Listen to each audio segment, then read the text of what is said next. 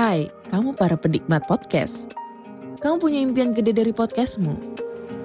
Terus First Story bisa banget bantu kamu. Mulai dari F-Link, Dynamic Audio Insertion, sampai statistik yang komprehensif. Semua ada di First Story. Gak ketinggalan kamu bisa monetisasi podcastmu lewat iklan dari First Story Ads yang bisa kasih kamu penghasilan dari setiap place podcastmu. Yuk gabung sekarang dengan klik di firststory.me.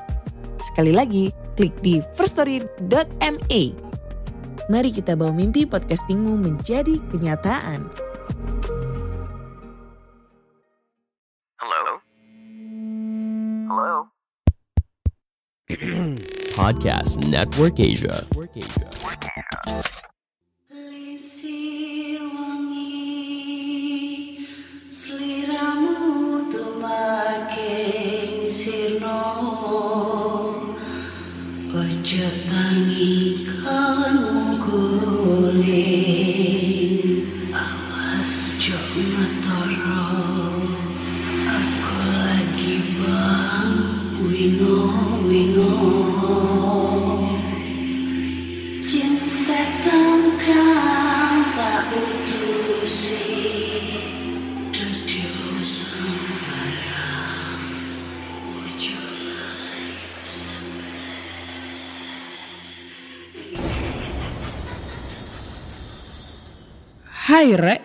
apa kabar Ketemu lagi dengan aku si Ana di podcast kisah horor.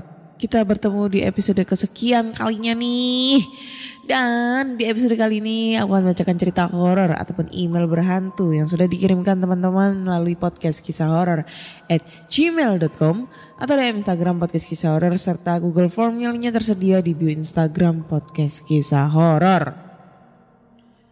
Hari ini tanggal 25 Februari 2023. Nggak berasa mau berganti bulan ya, bulan Maret. Maret itu adalah bulan kelahiran gue. Dan gak kerasa juga. Anjing. Udah tua ya aku ya.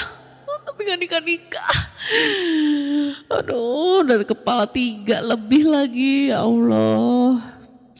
Sedih kalau eh meratapi nasib ini. Oh anjay. Ya kali aja ditahu di bulan kelahiran aku ya di bulan Maret ini. Mungkin ada yang mau ngasih kado ulang tahun. Gak apa-apa silakan ditampung kok. Atau mungkin mau ngasih endorse endorse ya. Ya silakan ditampung juga. Hmm, free free free. Endorse-nya free ya. Free nih.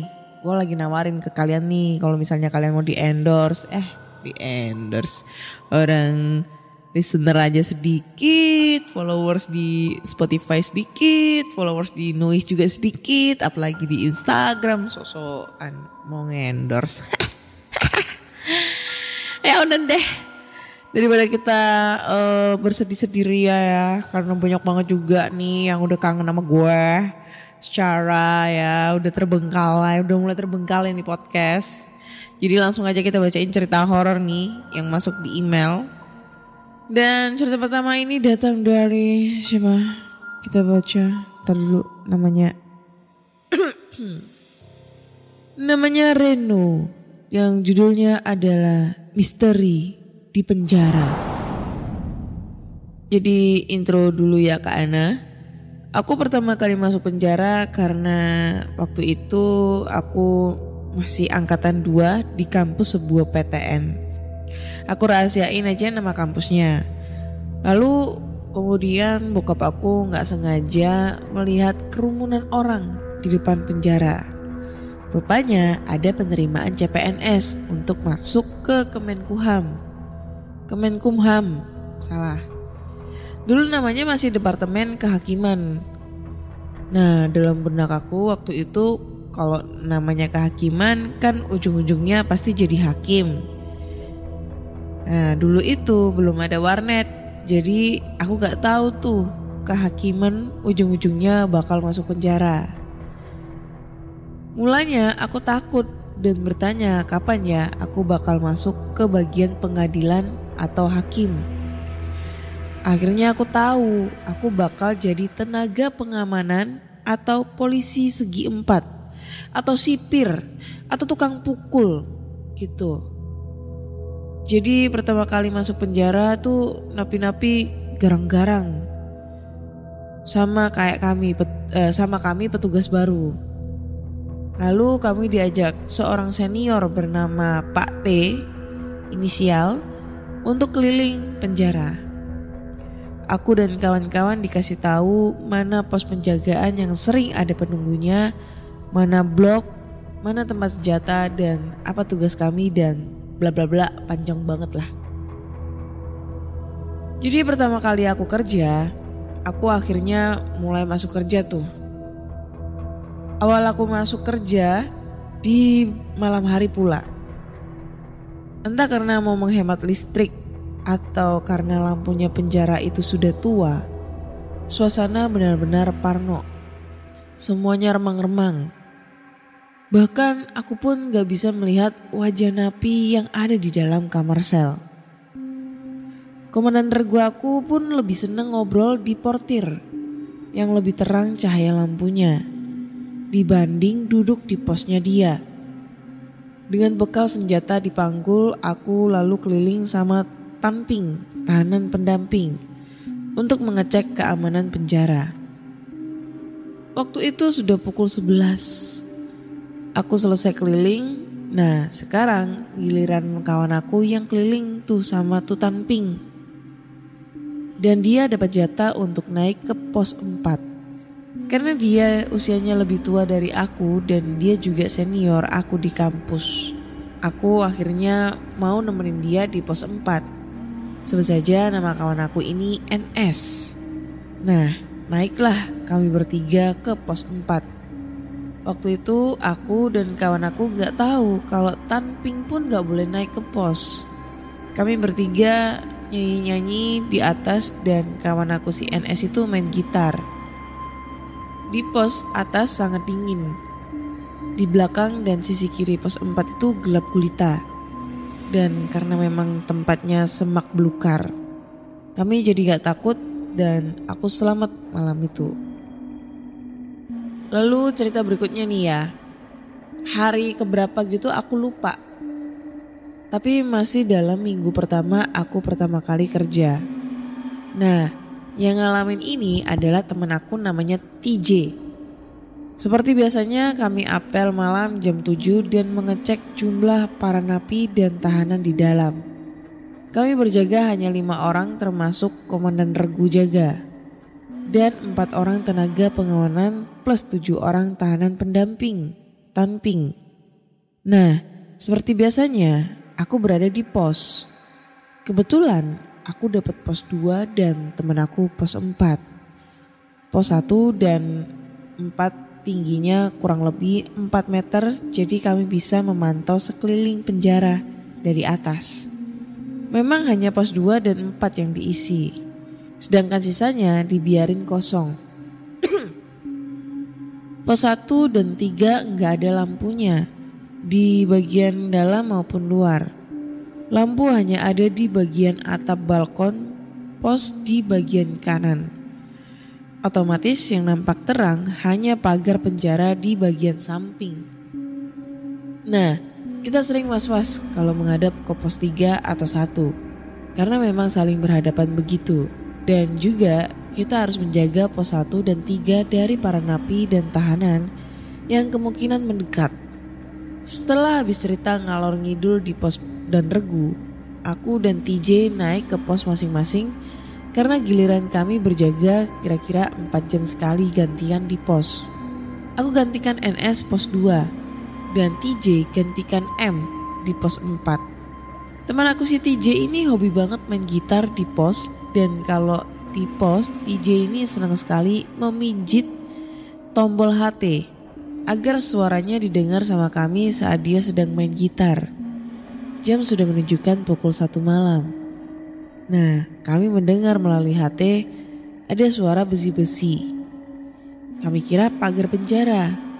Dipukul beberapa kali dari HT pos 4 di seberang sana. Aku kira Tanping sedang patroli keliling bersama temen aku yang lain. Dan temen aku yang bernama TJ tersebut tiba-tiba saja mendadak diam. Kemudian dan Regu mengajak mengejek kawan kami yang bernama TJ itu bahwa suaranya cempreng. Sembari bercanda. Namun si TJ ini gak ada bersuara sama sekali. Dan Regu memanggil melalui HT itu kawan untuk melapor. Namun dia diam saja. Merasa gak enak, aku disuruh untuk melihat dari pos 2 ada apa nih? Ada apa dengan pos 4? Aku melihat teman aku itu menghadap belakang pos 4 sambil terdiam. Aku memanggilnya berulang kali dan dia tiba-tiba jatuh merebah ke lantai balkon atau teras pos. Aku katakan sama dan Regu bahwa si TJ tiba-tiba pingsan. Nah, dan Regu lalu memerintahkan NS dan M beserta dua tanping untuk naik ke atas. Akhirnya mereka menggotong si TJ turun dan membawa dia ke pos dan regu. Aku pun ikut turun dari pos 2 menuju pos dan regu. Nah, oleh dan regu sambil dibaca-bacakan di air dibasuhlah wajah si TJ kawan aku itu. Wajahnya pucat kali seperti orang yang sedang nahan boker lima tahun. Anjay. Kami semua tertawa. Aku kira dia nahan sampai eh nahan makan sampai empat hari atau suaranya tercekik. Akhirnya dengan nafas tersengal-sengal kawan aku itu bercerita begini.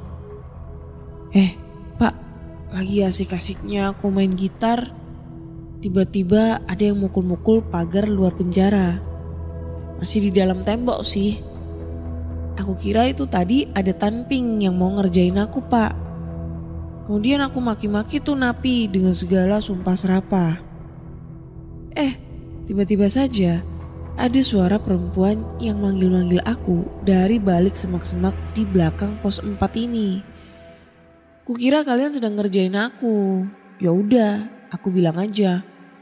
Gak takut, gak takut. Setan gundul pun aku juga gak takut. Tapi suara itu gak mau berhenti. Dan karena kesal, ku ambil batu kerikil di atas pos itu dan kulempar ke belakang tanpa menoleh. Eh, batu itu dilempar lagi kena kepalaku. Kata kawanku TJ ini sambil terbata-bata. Lalu dan Regu memberi minum kembali kepada kawanku itu. Setelah nafasnya selesai terengah-engah, dia melanjutkan ceritanya. Karena kesal, aku pak, kulihat siapa yang melempar kepalaku itu. Nah, diam dia diam lagi tuh.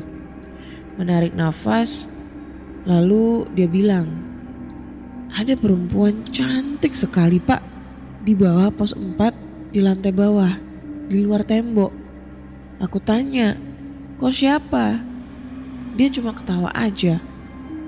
Aku langsung berpikir mana mungkin ada orang yang berani di pos 4 di luar ini. Wong ini semua isinya semak belukar. Sembari tertawa aku lihat badannya cuma separuh. Di bagian bawahnya nampak darah berceceran. Padahal semak itu gelap gulita pak. Tapi perempuan itu badannya bercahaya putih. Wajahnya cantik dan memakai daster putih. Gigi-giginya tajam dan berdarah juga. Kemudian kawan aku itu mohon-mohon sama dan regu untuk gak usah kembali lagi ke pos 4 itu. Dan regu aku langsung memberi nama untuk tuh perempuan cantik si bibir merah sambil ketawa. Lalu kejadian berikutnya itu aku sering dapat di pos 2. Aku girangnya bukan main. Kenapa enak di pos 2? Pertama, aku bisa lihat mobil lalu lalang. Dan di depan seberang jalan sana banyak kedai jadi suasananya rame banget. Soalnya ini kan penjara berada di jalan besar di pinggir jalan aku bisa pesan makanan atau minuman sama Tanping yang kerja luar tanpa harus turun pos. Aku memang gak suka di dalam blok dan bergaul sama Napi. Temen aku senang bergaul di blok, banyak rezeki di sana katanya. You know lah, apaan tuh? Aku juga gak suka berada di blok Napi. Bukan karena aku sok sok hebat, bukan. Dan aku bukan pula uh, menganggap nabi itu bukan manusia. Bukan juga. Hanya saja aku gak bisa nyambung ngobrol sama napi-napi itu. Mereka ceritanya sabu sekian gram, cimeng sekian apa nih sentimeter atau apa tuh. Merampok orang sekian juta, malak orang, nindi bini orang saat lakinya kerja dan lain sebagainya. Aku enek juga sama mereka tuh. Bukan karena aku alim nih ya, tapi aku tahu tuh. Napi itu sedang mensugesti aku biar aku tuh takut. Sesekali aku gunakan tongkat T untuk napi yang salah sampai babak belur. Besok-besoknya napi-napi yang lain gak berani sesumbar sama aku. Aku paling jarang ngobrol sa ngomong sama orang. Jangankan sama napi. Sama sesama teman kerja aja aku itu irit banget ngobrolnya. Nah, aku kira di pos di pos 2 ini gak akan seangker pos 4. Walaupun kadang aku ditempatkan di pos 4, namun gak kalah angker juga. Biasanya aku sering lihat penampakan di pos 2 jika sedang akan maghrib. Aku gak boleh turun walaupun maghrib kecuali sudah jam penjagaan habis waktu aplusan. Baru aku boleh turun. Mau kencing pun susah harus nunggu kawan yang gantikan. Karena itu aku sering nembak dari atas. Yang paling sering mengganggu adalah senjata aku. Aku sering menggantung senjata laras aku di eh dan peluru di dinding pos. Nah, kadang kala tuh senjata suka berpindah sendiri. Kadang tuh senjata sudah nongkrong di kursi. Kadang senjata juga itu sudah gantung di pegangan jendela. Padahal aku selalu menggantung tuh senjata di dinding tempat senjata. Kadang juga tuh senjata sudah jatuh ke bawah dekat parit luar pos 2 pinggir tembok luar. Cerita waktu aku maghrib di pos 2. Waktu itu bulan puasa. Sudah mau dekat buka puasa gitulah pokoknya. Biasanya ayam-ayam sudah dimasukkan jam 4 sore dan para keluarga napi sudah pada keluar dari penjara. Nah, aku kebetulan sedang kongko sambil baca novel. Tiba-tiba saja ada dua orang bocah keluar dari pintu pagar samping aula. Tuh bocah ganteng, putih, dan cakep banget lah. Dua-duanya memakai baju putih lengan panjang dan celana pendek warna merah. Kayak bocah skala dasar gitu. Aku aja kadang merinding kalau nulis ini. Tuh bocah main di jalan setapak antara pos 2 dan 3. Mereka bermain dan bercandaan berdua tanpa memperdulikan aku. Aku lihat jam sudah menunjukkan pukul lewat 45 pukul 5 lewat 45 sore. Sebentar lagi buka puasa, aku pikir. Aku usir tuh dua bocah agar masuk ke dalam blok.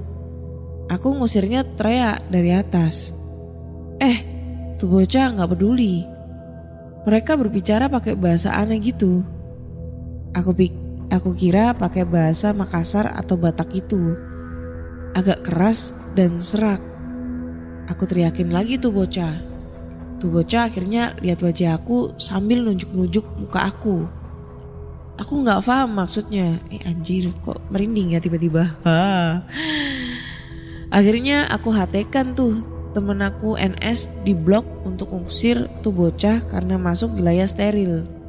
Sehabis aku ngomong di hati itu, kedua bocah itu berlarian masuk ke pintu samping aula. Gak sampai dua detik, kawan aku keluar dari pintu yang sama bernama NS. Dia celingak celinguk lihat kanan kiri. Mana anak-anaknya? Tanya kawan aku sama aku. Nah, tuh barusan saja masuk. Abis lu keluar dari pintu. Mosok nggak pos-posan sih? Aku bilang. Mana ada katanya. Aku sendirian kok masuk kemari. Gak ada siapa-siapa. Lagian jam setengah, setengah lima tadi semua pintu udah dikunci. Dan semua tamu sudah pada pulang. Aku duduk terdiam di kursi jaga dan senjata aku pun sudah pindah. Lagi di lantai bawah pos 2. Lalu cerita berikutnya itu, uh, waktu itu gak sampai dua minggu aku kerja. Salah seorang napi kasus pembunuhan mati di rumah sakit seminggu sebelum kematiannya sih. Ini tuh napi sakit aneh. Tiap lima menit sekali, napi ini selalu berdahak. Dahaknya itu luar biasa baunya. Bau anyir dan busuk tengik lah pokoknya. Sampai-sampai pasien bangsal itu minta sama pihak rumah sakit dicariin bangsal lain. Aku disuruh untuk menjadi pengawal Ninapi di rumah sakit. Dalam seminggu itu, aku gantian sama dua temen aku. Uh, gantian jaga Ninapi pagi, siang, malam. Paling gak enak kalau jaga malam. Terpaksa aku borgol tuh napi di tempat tidur bangsal rumah sakit. Bayangkan saja, uh, kalau aku jaga tuh napi sampai berminggu-minggu. Nah, sesudah napi ini meninggal dan dimakamkan, mulailah terjadi hal aneh di penjara. Hampir tiap malam setiap aku patroli lingkar luar, ada saja suara erangan, meraung kesakitan dan minta tolong. Kuduk aku selalu naik setiap melewati sel napi yang baru mati itu. Sel napi itu terletak tepat di belakang pos 3 di ujung blok A. Kadang kala juga ada suara orang berbisik-bisik pelan di telinga aku. Tolong, tolong pak, tolong saya, saya dianiaya pak. Begitu kira-kira suara minta tolong itu. Suara yang tidak berwujud. Aku tahu, uh, Eh, aku tahu gak cuman aku yang denger. Tanping yang nemenin aku pun sering denger juga walaupun sayup-sayup. Apalagi kalau kami melewati ruang aula. Seperti ada seseorang yang melihat kami dari kegelapan aula. Kalau aku sih mikirnya sederhana. Ini mungkin Horin dari sinapi itu. Karena aku pernah baca buku dari penulis M. Isa Dawud berjudul Jin Muslim jadi aku gak mau berburuk sangka. Tanping yang menemani aku patroli ini pernah bilang, Tunapi yang mati orang tegap dan sehat. Seorang pembunuh. Gak mungkin sakit tiba-tiba. Mungkin keluarga korban gak suka dengan vonis hakim. Jadinya itu napi diracun dari dalam penjara. Aku sih gak mau berspekulasi. Lain halnya dengan napi yang ngurusin dapur. Mereka sering dikejutkan dengan kemunculan napi yang mati itu dengan wajah yang mengenaskan seperti orang yang habis babak belur dihajar masa gitu.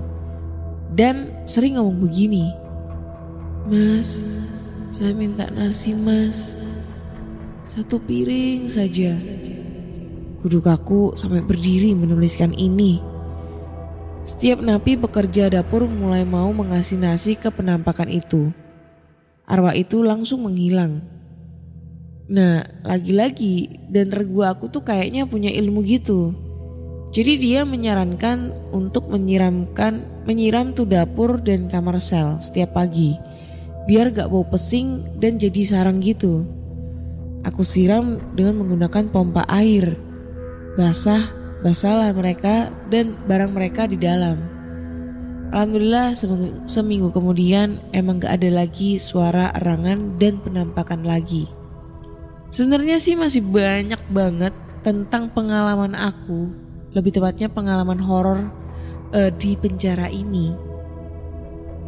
Mungkin next time aku bakal cerita kelanjutan bau uh, misteri tentang horornya di penjara ini.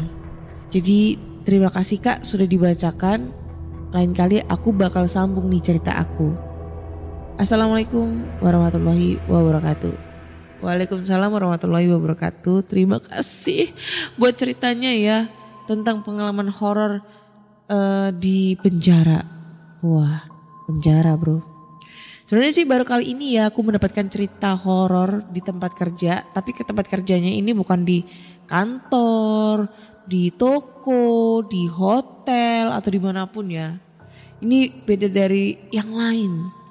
Di penjara bro. Waduh. Jujur aku belum pernah masuk ya ke penjara. Pernah ya, maksudnya, maksudnya ini, ini, ini, ini. Maksudnya berkunjung ke penjara gitu loh. Belum pernah. Kalau masuk ya jangan sampai lah masuk sel maksudnya. Cuma dulu tuh pernah nganterin temen gitu. Cuma nganterin sampai depan gitu. Terus aku tinggal gitu kan. Karena waktu itu emang lagi uh, apa namanya uh, aku ada acara gitu di daerah Mojokerto kan jadi waktu itu uh, dia numpang gitu sampai di apa penjara Medaeng eh pernah deng tapi itu bukan di lapas yang lapas Medaeng itu bukan tapi di Polrestabes pas kebetulan temen aku habis kena jambret terus disuruh ngeliat uh, tersangkanya gitu tapi kalau katanya sih kalau di Polres sama di lapas tersendiri itu beda gitu suasananya. Itu guys. Serem sih ceritanya hampir membuat aku sedikit merinding dengan cerita pengalaman si Revo ini uh, misteri di penjara. Waduh. Gue gak bisa komentar yang aneh-aneh nih. Takut, takut dimasukkan di sel. Wah. Kalau soal penjara gue takut, tapi kalau soal di hatimu gue nggak takut anjay. Wah jangan-jangan suami orang lagi, jangan-jangan jangan. Oke deh kayaknya cukup sekian dulu di episode kali ini. Cukup satu cerita dulu aja ya karena satu cerita ini sudah 26 menit nih kita bacain ya. So buat teman-teman semua nih kalau kalian punya cerita hal yang sama, pengalaman horor nih, Kalian bisa langsung aja kirim cerita kalian ke podcast kisah horor at gmail.com atau di Instagram podcast kisah horor serta Google Form yang linknya tersedia di bio Instagram podcast kisah horor. Jangan lupa dengerin podcast kisah horor di Spotify, Google Podcast, Apple Podcast, Noise, Pogo, Reso dan platform podcast kesayangan kalian ya. Dan jangan lupa tinggalin komentar kalian di setiap platform karena di Noise dan Pogo kalian bisa langsung berkomentar dan jangan lupa kasih juga rating bintang 5 nih untuk podcast kisah horor di Spotify agar gue selalu semangat gitu ya. Oke. Akhir kata saya Ana undur diri dan terima kasih sudah mendengarkan podcast kisah horor. Bye bye.